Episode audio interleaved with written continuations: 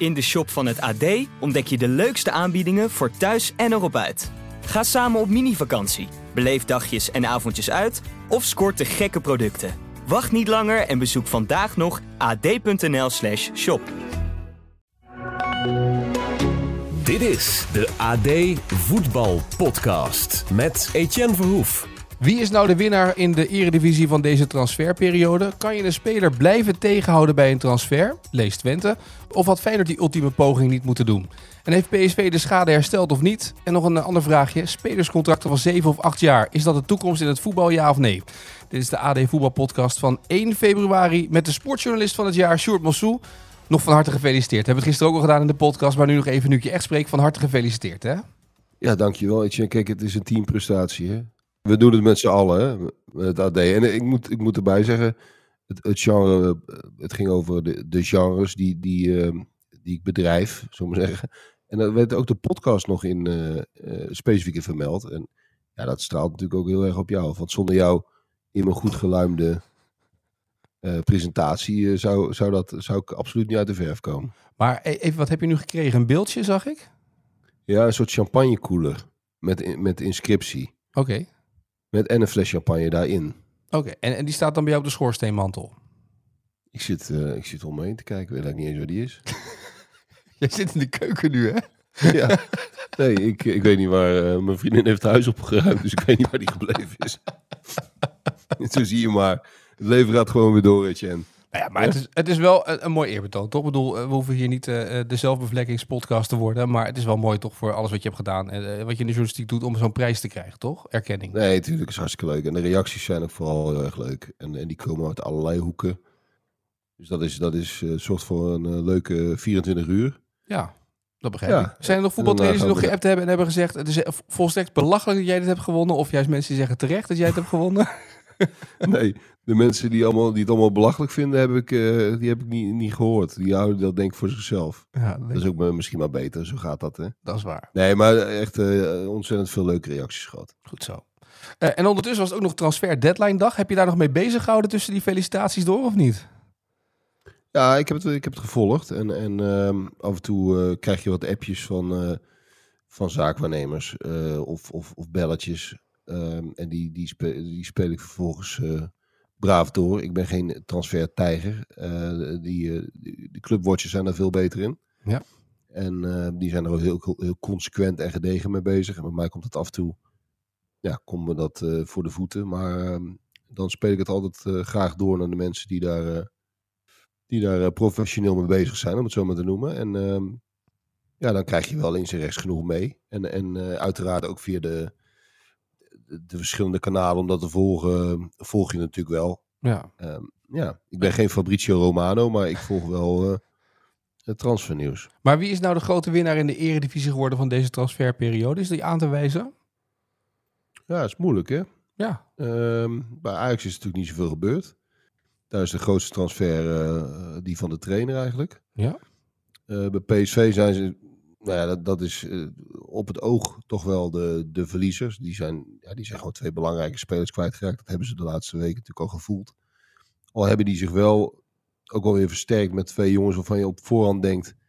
dat zijn wel kant-en-klare spelers voor de eredivisie. Hè? Torgan Azar en um, Van, Van Aanholt. Ja.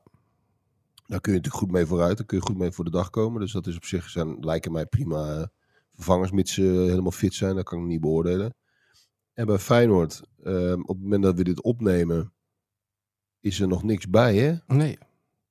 Van de Belt was nog, uh, hing nog een beetje in de lucht. Of dat, of dat rond gaat komen, lezen de mensen op het moment dat ze deze podcast luisteren, denk ik. Ongeveer wel, ja. Dat zou een last minute deal kunnen worden. Maar het verhaal is een beetje dat ze daar pas volgend jaar uh, of in de, in de zomer naartoe moeten komen. Ja, hij heeft een, hij heeft een, um, een afkoopsom in zijn contract voor de zomer. En dat is 8 ton. En uh, dat is voor Feyenoord natuurlijk uh, heel uh, aantrekkelijk. En je kunt je ook afvragen of, zo, of dit een speler is wat, die jou gelijk sterker maakt ja. als club. Dat ja. is een hartstikke goede speler, van de beste speler van de eerste divisie. Van de beste ploeg van de eerste divisie, Pek Zwolle. Um, dus dat is een jongen met veel potentie. En Arne Slot kent hem natuurlijk goed, dat is algemeen bekend. Dus ja, is het dan, is het, het dan waard om, om het dubbele te betalen als je eigenlijk weet dat hij het eerste half jaar eh, misschien wel vooral voor de breedte is. Ja, die afweging snap ik op zich wel. Ja. Uh, maar goed, dus, dus er is eigenlijk uh, niet echt een winnaar aan te wijzen. Nee, eigenlijk niet, hè? Ehm, Want ik kreeg nou, ook wel mensen op Twitter... Laten we, laten we? Twente, als we dan toch een winnaar moeten aanwijzen, laten we dan Twente aanwijzen. Ja, Want die hebben Zerouki binnenboord gehouden. ja. Eh, door heel consequent gewoon nee te zeggen. Zo moeilijk is het niet. Gewoon nee zeggen. Hilgers hebben ze ook binnengehouden nog. Hilgers binnengehouden en, en daar ook heel consequent en, en duidelijk over geweest. Moeten we wel bij zeggen dat, dat ehm, Twente, die hebben een afspraak met de gemeente dat ze een deel van hun transfers ehm, in, de, in de aflossing van de schuld stoppen. Daarmee kunnen ze sneller hun schuld af, afbetalen. Maar dat betekent wel dat als ze een grote transfer doen, dat ze een flink percentage daarvan kwijtraken aan afbetaling bij de gemeente.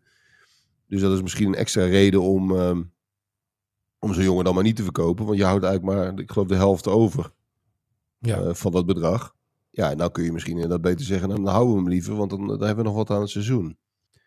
Dus ehm, ja, ik, ik, ik vind het wel sterk van Twente en van Strooier om gewoon vast te houden aan dit team. Ze doen nog mee om het kampioenschap. En zo is het nou eenmaal. Ja. En ehm, ja, dat toont wel eh, dat toch ook wel de terugkeer van FC Twente. Kijk, ze hebben nog steeds eh, schulden, maar die worden volgens schema afgelost. En, en binnen die eh, afspraken kunnen ze met een prima spelersbudget werken. En kunnen ze dus ook zeggen van nee, we gaan niet eh, in januari eh, spelers verkopen aan de concurrent. Prima. Ja, en nou begon ik deze podcast al met de vraag: kan je een speler tegen blijven houden in een transfer? Ik bedoel, Saruki is nu in de zomer, in de winter nu is er nog twee keer een poging gedaan door Feyenoord. Of had Feyenoord gewoon die laatste ultieme poging niet moeten doen op de 31ste en gewoon bedenken, weet je wat, we kunnen die voetballer niet gek blijven maken. Nou, ik vind daar wel wat voor te zeggen. Eh, Twente was toch op zich vrij helder, li- Ja. eh, lijkt mij. Ja. Die zeiden we verkopen niet in januari aan een concurrent. Kom in de zomer maar terug en dan, eh, dan praten we verder. Ja, hoe helder wil je een boodschap hebben? En dan kun je er wel weer een miljoentje bij doen of 2 miljoen. Kun je ook van afvragen, is dat niet heel erg veel geld voor een speler als Seruki? Ja. Daar, daar zijn ze het intern bij Feyenoord ook, nou ja, daar zijn de meningen ook over verdeeld. En ehm, ja, ik snap het, het standpunt van Twente wel, dat, dat die zeggen van, ja, hoe, duidelijk wil je het nou nog hebben? We, we hebben het steeds hetzelfde geformuleerd. We verkopen niet aan een concurrent in januari. Nou Ja. Als je dan, dat zou nog net anders zijn als, als Feyenoord het, het, het, het eerste bod zou verdubbelen of zo. Dat het echt eh, excessief veel hoger zou zijn. Maar ja, dat is ook niet echt gebeurd. Het is mondjes, mondjesmaat eh, verhoogd. Ja, maar Nou, je weet, op de blijft, die, achtergrond, blijft die jongen in Twente. en je weet wat op de achtergrond gebeurt toch? Want ik bedoel, die jongen is ook niet immuun hiervoor. Er wordt natuurlijk ook over en weer geappt door deze en gene van Feyenoord naar Saruki. Van nee, we zijn er nog mee bezig, we gaan nog een poging wagen. Dat gebeurt toch eigenlijk? Ja, nee, zeker. Die jongen die wordt, die wordt op alle mo- mogelijke manieren wordt die, wordt die lekker gemaakt. Door zijn zaakwaarnemer en misschien ook wel door Feyenoord. Eh, De trainer wil hem natuurlijk graag hebben. Slot, ehm, kijk, hij doet het natuurlijk geweldig. En, en, en bij Feyenoord heerst ook wel een beetje het gevoel van... ja, we moeten hem daar ook iets voor teruggeven. Als hij een versterking wil, dan moeten we hem daar ook zoveel mogelijk in helpen. Ja, daarin hebben ze heel nadrukkelijk naar... ehm, hebben ze heel nadrukkelijk de pijlen op zijn hoekie eh, gericht. Maar ja, je moet het dan vervolgens ook wel waar kunnen maken. Zowel richting slot als richting de speler. Ja, en dat is niet gebeurd. Nee. Jammer maar helaas voor Feyenoord en prima voor Twente. Ja, wa- wat mij trouwens dan wel weer opvalt in dit geval is... ehm, de, het ligt eigenlijk, de weg naar het kampioenschap ligt open, hè? dat is duidelijk. Ik bedoel, niemand is uitgesproken favoriet. Er zijn vijf ploegen die... Je zou ook kunnen zeggen, een wintertransfer, een spraakmakende wintertransfer... laat ook zien dat je de ambitie hebt om kampioen te worden... in plaats van dat je het houdt bij wat je hebt. Eh, ja, maar dat hebben ze toch op zich geprobeerd, Feyenoord. Ja, maar goed, ze hebben, ze hebben geen opmerkelijk... Ze hebben nog geen andere transfers. Ze hebben geen plan B of C, weet je. We zijn veel namen genoemd, bij PSV ook. Een enorme namenregen, niet normaal. Maar het is niet gekomen tot eh, sprankelende namen wat dat betreft. Nee, maar ehm, ja, god, je hoeft ook niet te kopen om te kopen. Nee. Ze, ze staan, als, als, als we het over Feyenoord hebben, ze staan niet voor niks bovenaan. Mats Wiever eh, eh, doet het tot nu toe uitstekend. Is een jonge jongen en die zal er nog wel, nog wel eens een terugslag krijgen. En die is niet gewend om op dit niveau zoveel wedstrijden achter elkaar te spelen. Dus dat is allemaal waar. In de breedte wordt dat misschien op een gegeven moment een beetje krap. Maar ja, om te kopen, om te kopen, heeft, heeft niet zoveel zin Nee. eh, op zich. Dus ik, ik snap wel dat je dat per geval bekijkt. Nou ja, heb je het over Van de Belt, dan is het logisch dat je niet nu, nu het dubbele gaat betalen voor een speler die je misschien toch voorlopig niet nodig hebt. Ehm, en, hem, en hem gewoon komende zomer binnenhaalt. En, en bij Zeroekin, nou ja, daar hebben we het net over gehad. Ja, nou, AZ natuurlijk, moeten we ook niet vergeten. Want die hebben natuurlijk ook nog wel versterking gehaald. Ehm, en daar staat Feyenoord ook achteraan. Uh, dat is op zich wel goed gedaan, toch? Jazeker, maar AZ toont zich wat dat betreft op de transfermarkt wel slagvaardiger dan Feyenoord. Ja. Die halen gewoon Mijnlands binnen, die fixen dat gewoon. En uh, ja, bij wijze van spreken geruisloos uh, kapen ze die jongen. En, uh, en die jongen gaat gewoon bij AZ spelen. En, en AZ is er dus nog wat sterker op geworden. Ja, dat is, dat is toch wel, wel goed gedaan. En bij Feyenoord heb je ook wel een beetje het gevoel dat het... Het is allemaal, ook op de transfermarkt, het duurt allemaal zo lang. Het is allemaal een beetje... Ja, het is een beetje, een beetje traag lijkt het wel. Van, uh, als je een speler wil hebben, maak, zorg dan dat je het juiste bedrag hebt. Maak de deal in orde en door. Maar het, het, het, het, gaat maar voort. En uiteindelijk heeft het eigenlijk bijna nergens toe geleid. Dus het is wat dat betreft niet, uh, niet geweldig gegaan bij Feyenoord. Maar het hoeft geen probleem te zijn richting het kampioenschap. Nee. Uh, heeft PSV de schade uh, voldoende hersteld van het vertrek van Gakpo Madueke? Ja, dat, dat weet je echt niet.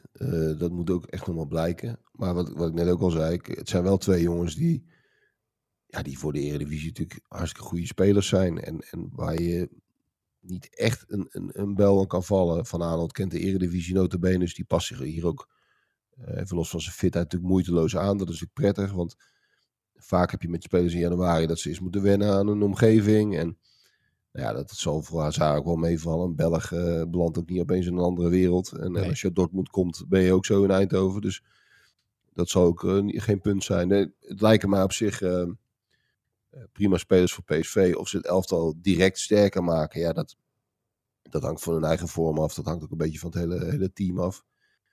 Um, dus dat is moeilijk te zeggen. Ik, ze zullen er niet onder de streep niet sterker van zijn geworden. Het is, het is bekend hoe, hoe, uh, hoe goed en hoe belangrijk uh, Gakpo was. Ja. En uh, dat heb je niet meteen vervangen. Maar ze doen, ook zij doen nog volop mee. Hè? Over PSV wordt op een gegeven moment, werd op een gegeven moment ook een beetje gedaan. En dat is ook een beetje inherent aan hoe de stand er nu voor staat. Dat als je een keer verliest of als je een keer gelijk speelt, dan, dan voelt dat als afhaken. Maar omdat de rest toch ook wel punten verspeelt en ook nog tegen elkaar speelt, ja, blijf je er toch meestal wel bij. Dus dat, dat zal voor PSV voorlopig ook nog wel. Ja, en dan zei Marcel Brands de afloop bij de uitleg over wat er nu gedaan is. De spelers zijn gehuurd van Arnold en, uh, en Hazard. Uh, dan kunnen we in de zomer rustig kijken hoe we daar ver verder mee gaan. Of we ze eventueel willen overnemen of niet. Maar dan hebben we onze technisch directeur binnen. Daarom huren we nu deze spelers. En dan gaan we in de zomer kijken hoe we het beleid verder gaan maken. Dat is op zich redelijk logisch, toch?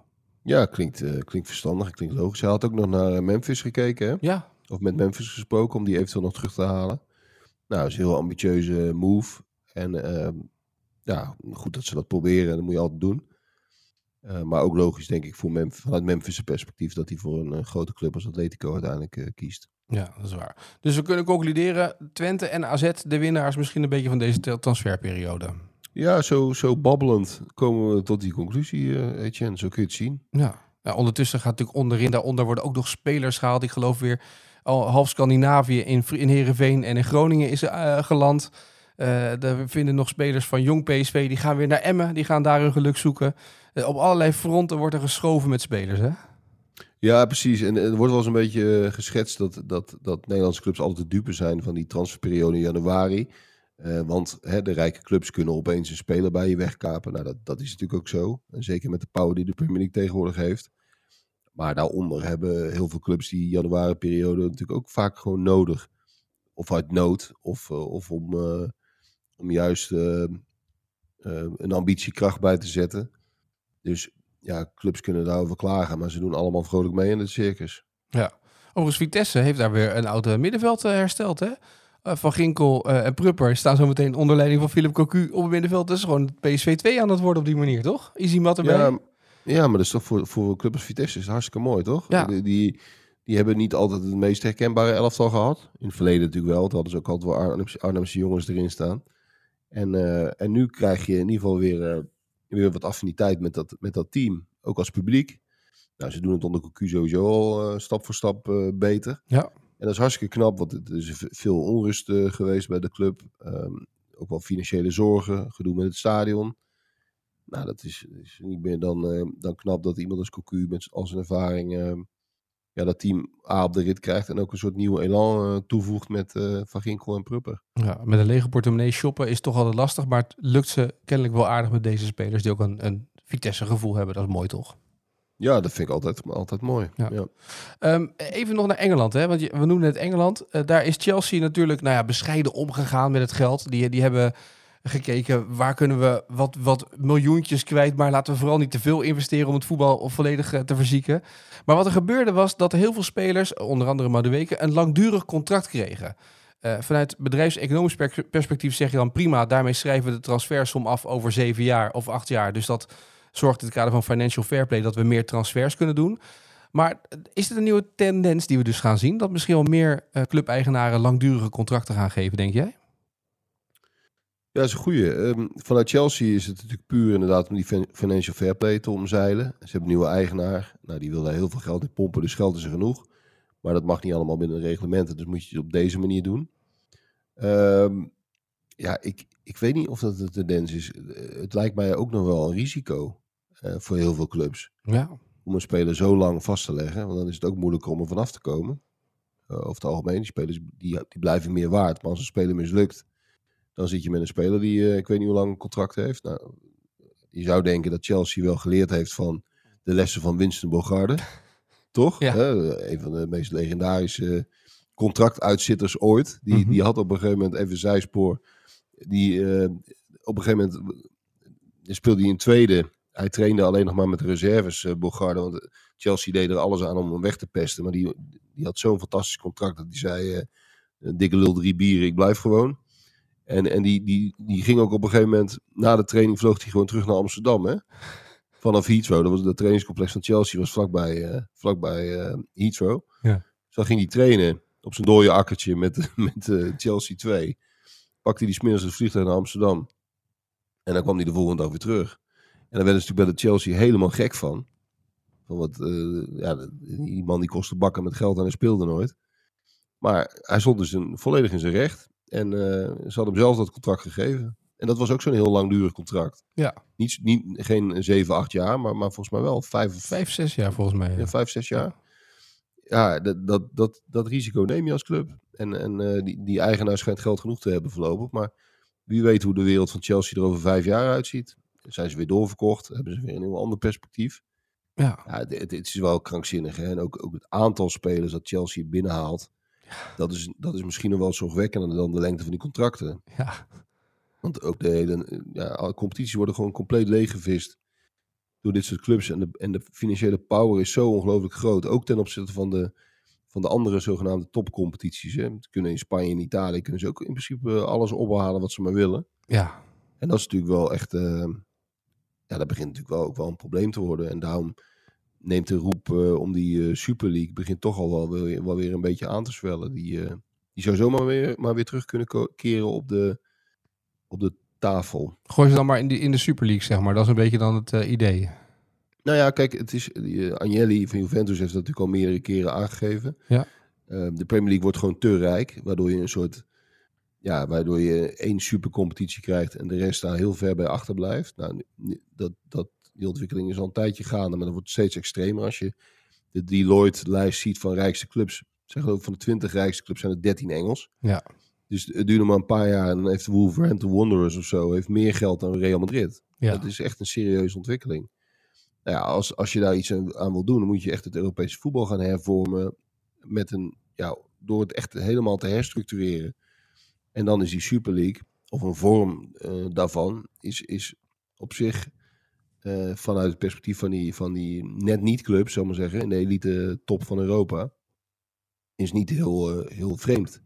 Alleen de vraag is, hoe, moet dat eruit gaan zien? Eh, wordt dat promotie-degradatie? Hoe wordt dat geld precies verdeeld? En daar heeft niemand nog exact zi- zicht op. Maar dat die Super League er weer komt. En misschien wel met Ajax. Maar Mhm. dat niet, zeker niet uitsluit.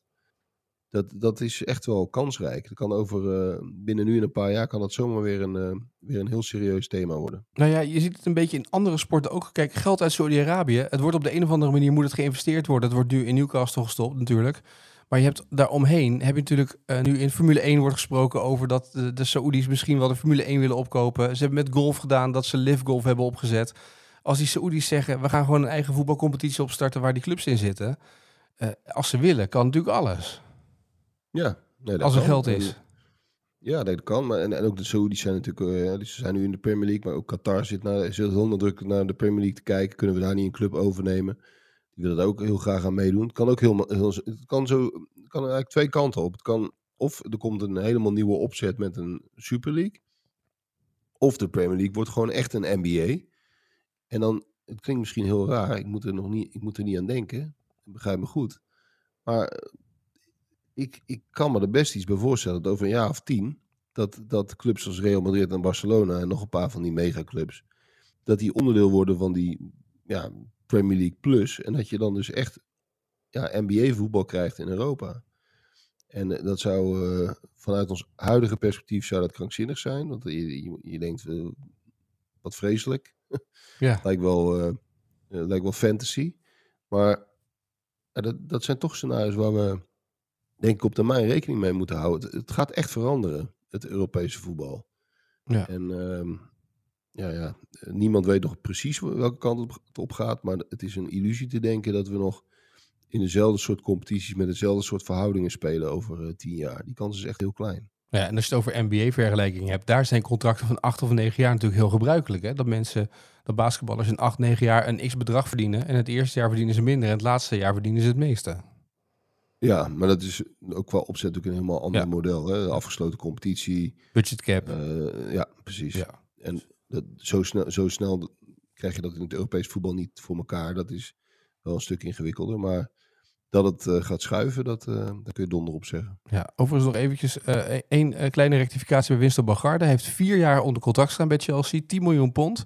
Ongeveer 850.000 pond per wedstrijd die hij heeft gespeeld. En het was geloof ik 275.000 euro per week die hij op een gegeven moment verdiende eh, in zijn contract. Ja, dat daar is zou ik ook voor lekker met, eh, bij de reserves trainen. Zou ik ook met de reserves meetrainen en op en neer vliegen inderdaad. Ja, maar als je nog even googelt, kom je nog wat oude verhalen tegen. Ehm, goed, eh, wij gaan tot slot van deze podcast naar de vaste rubriek. De vraag van vandaag. Want ja, elke eh, dag is natuurlijk een vraag van vandaag. Dat is een vraag over eh, het voetbal. De vraag die wordt gesteld door de eh, verslaggever die er dag ervoor erin zat. Gisteren was dat Johan Inan. Johan had de volgende vraag over Patrick van Aanholt voor jou, Sjoerd. Zoals we weten begon hij zijn profcarrière bij Chelsea. Die hadden hem overgenomen uit de jeugd van PSV. Daar heeft hij vijf jaar gezeten. Heeft hij wel twee officiële wedstrijden voor gespeeld. Toen werd hij verhuurd achtereenvolgens aan Coventry City, Newcastle United, Leicester City, Wigan en, mag de één club natuurlijk niet ontbreken, Vitesse. Maar daarna, toen hij Chelsea verliet, ging hij naar een andere Engelse club. Voordat hij bij Crystal Palace vier jaar speelde en het afgelopen jaar actief was voor Galatasaray. Dus wat is de club waar Patrick van Aanholt na Vitesse, alvorens hij bij Crystal Palace en Galatasaray speelde? Ja, Dat was een korte vraag. Ehm, Johan is van de korte een- vragen. Ja, dat was een eh, uitgebreide vraag. Ehm, tussen Vitesse en Crystal Palace. Ja. Ik, de- ik, ik probeer dat altijd in, in beelden te zien, want dan zie ik een shirt voor me. Ehm, dat was een, eh, volgens mij een club in, in, in het rood en wit, hè? Ja, Rood-witte strepen, toch? ja. Dus, ja, dat is Stoke of eh Sunderland, denk ik. Sunderland? Sunderland was het goede antwoord inderdaad, ja. Schitterend. Mooi gedaan. Dat, dat, was, dat was net voor die documentaire tijd, toch? Ja, precies. Dan net ervoor. 2014, 2015 speelde hij daar, ja. En toen, volgens mij, is hij ook nog ge- gedegradeerd met Sunderland. Maar Dat ik vanaf best zijn. inderdaad, ja. Toen Crystal Palace. Galatasaray en eh, nu naar PSV. Goed, dus eh, dat is het. eh. Nou heb ik het zo gedaan, qua indeling, dat jij eh, de vraag mag stellen aan Rick Elfrink. Want ik vond, als sportjournalist van het jaar, mag jij een beetje revanche nemen op vorige week op die vraag van Rick. Dus eh, het is nu aan jou om Rick gewoon even een cookie van eigen tegen te geven. En een, eh, een vraag voor morgen voor Rick erin te gooien. ja, Rick, jij, ik zal hem even persoonlijk toespreken, deze PSV-watcher. Ehm, jij bestookte mij met een krankzinnige vraag over, over een van de puntenaantal van heel lang geleden. Dat PSV in een specifieke seizoen had behaald. Nou ja, dat wist ik uiteraard niet. Dat, dat weet zelfs eh, de familie van Kemenade weet dat niet eh, op te lepelen zomaar. Ehm, dus ik kom een moeilijke vraag en die gaat over Een speler die uh, naar Feyenoord kwam, niet zo lang geleden, in de januari-periode. En die speler werd ook wel de Beer genoemd. Nou, dan weet je natuurlijk gelijk over wie het gaat. Dat gaat over Lucas Prato. En zoals je natuurlijk weet, uh, speelde Lucas Prato, voordat hij naar Feyenoord kwam, ook al in Europa. Maar bij welke twee clubs was dat? Hij heeft een, rijke carrière gehad in Zuid-Amerika. Hij kwam van River Plate. Hij heeft zelfs bij Boca Juniors gespeeld. Hij heeft in Brazilië gespeeld. Maar voordat hij naar Feyenoord kwam, speelde hij ook bij twee Europese clubs. Nou, nou. Dat, die vraag mag ik morgen lekker gaan beantwoorden. Uh, uh, mensen kunnen natuurlijk helpen via Twitter. Ik ben benieuwd of dat nog gebeurt. Of de, de mensen in Eindhoven nog denken, weet je, Onzrik gaan we nog even helpen. Ik ben benieuwd. Maar uh, morgen het antwoord op deze vraag. En morgen ook weer een gloednieuwe podcast. Sjoerd, dank voor de analyse van deze transfer deadline dag die we achter de rug hebben. en op naar alle andere verhalen die weer gaan spelen de komende weken, toch? Ik kan niet wachten, Etienne. Heel goed dat jij mij weer opbelt met jouw immer goed gemunste humeur. Om te zeggen dat we weer gaan opnemen, hè? Of, Zo is het. zoals nu, gaan afronden. Ik wens je een mooie dag. Jo. In de shop van het AD ontdek je de leukste aanbiedingen voor thuis en erop uit. Ga samen op mini-vakantie, beleef dagjes en avondjes uit of scoort de gekke producten. Wacht niet langer en bezoek vandaag nog ad.nl/shop.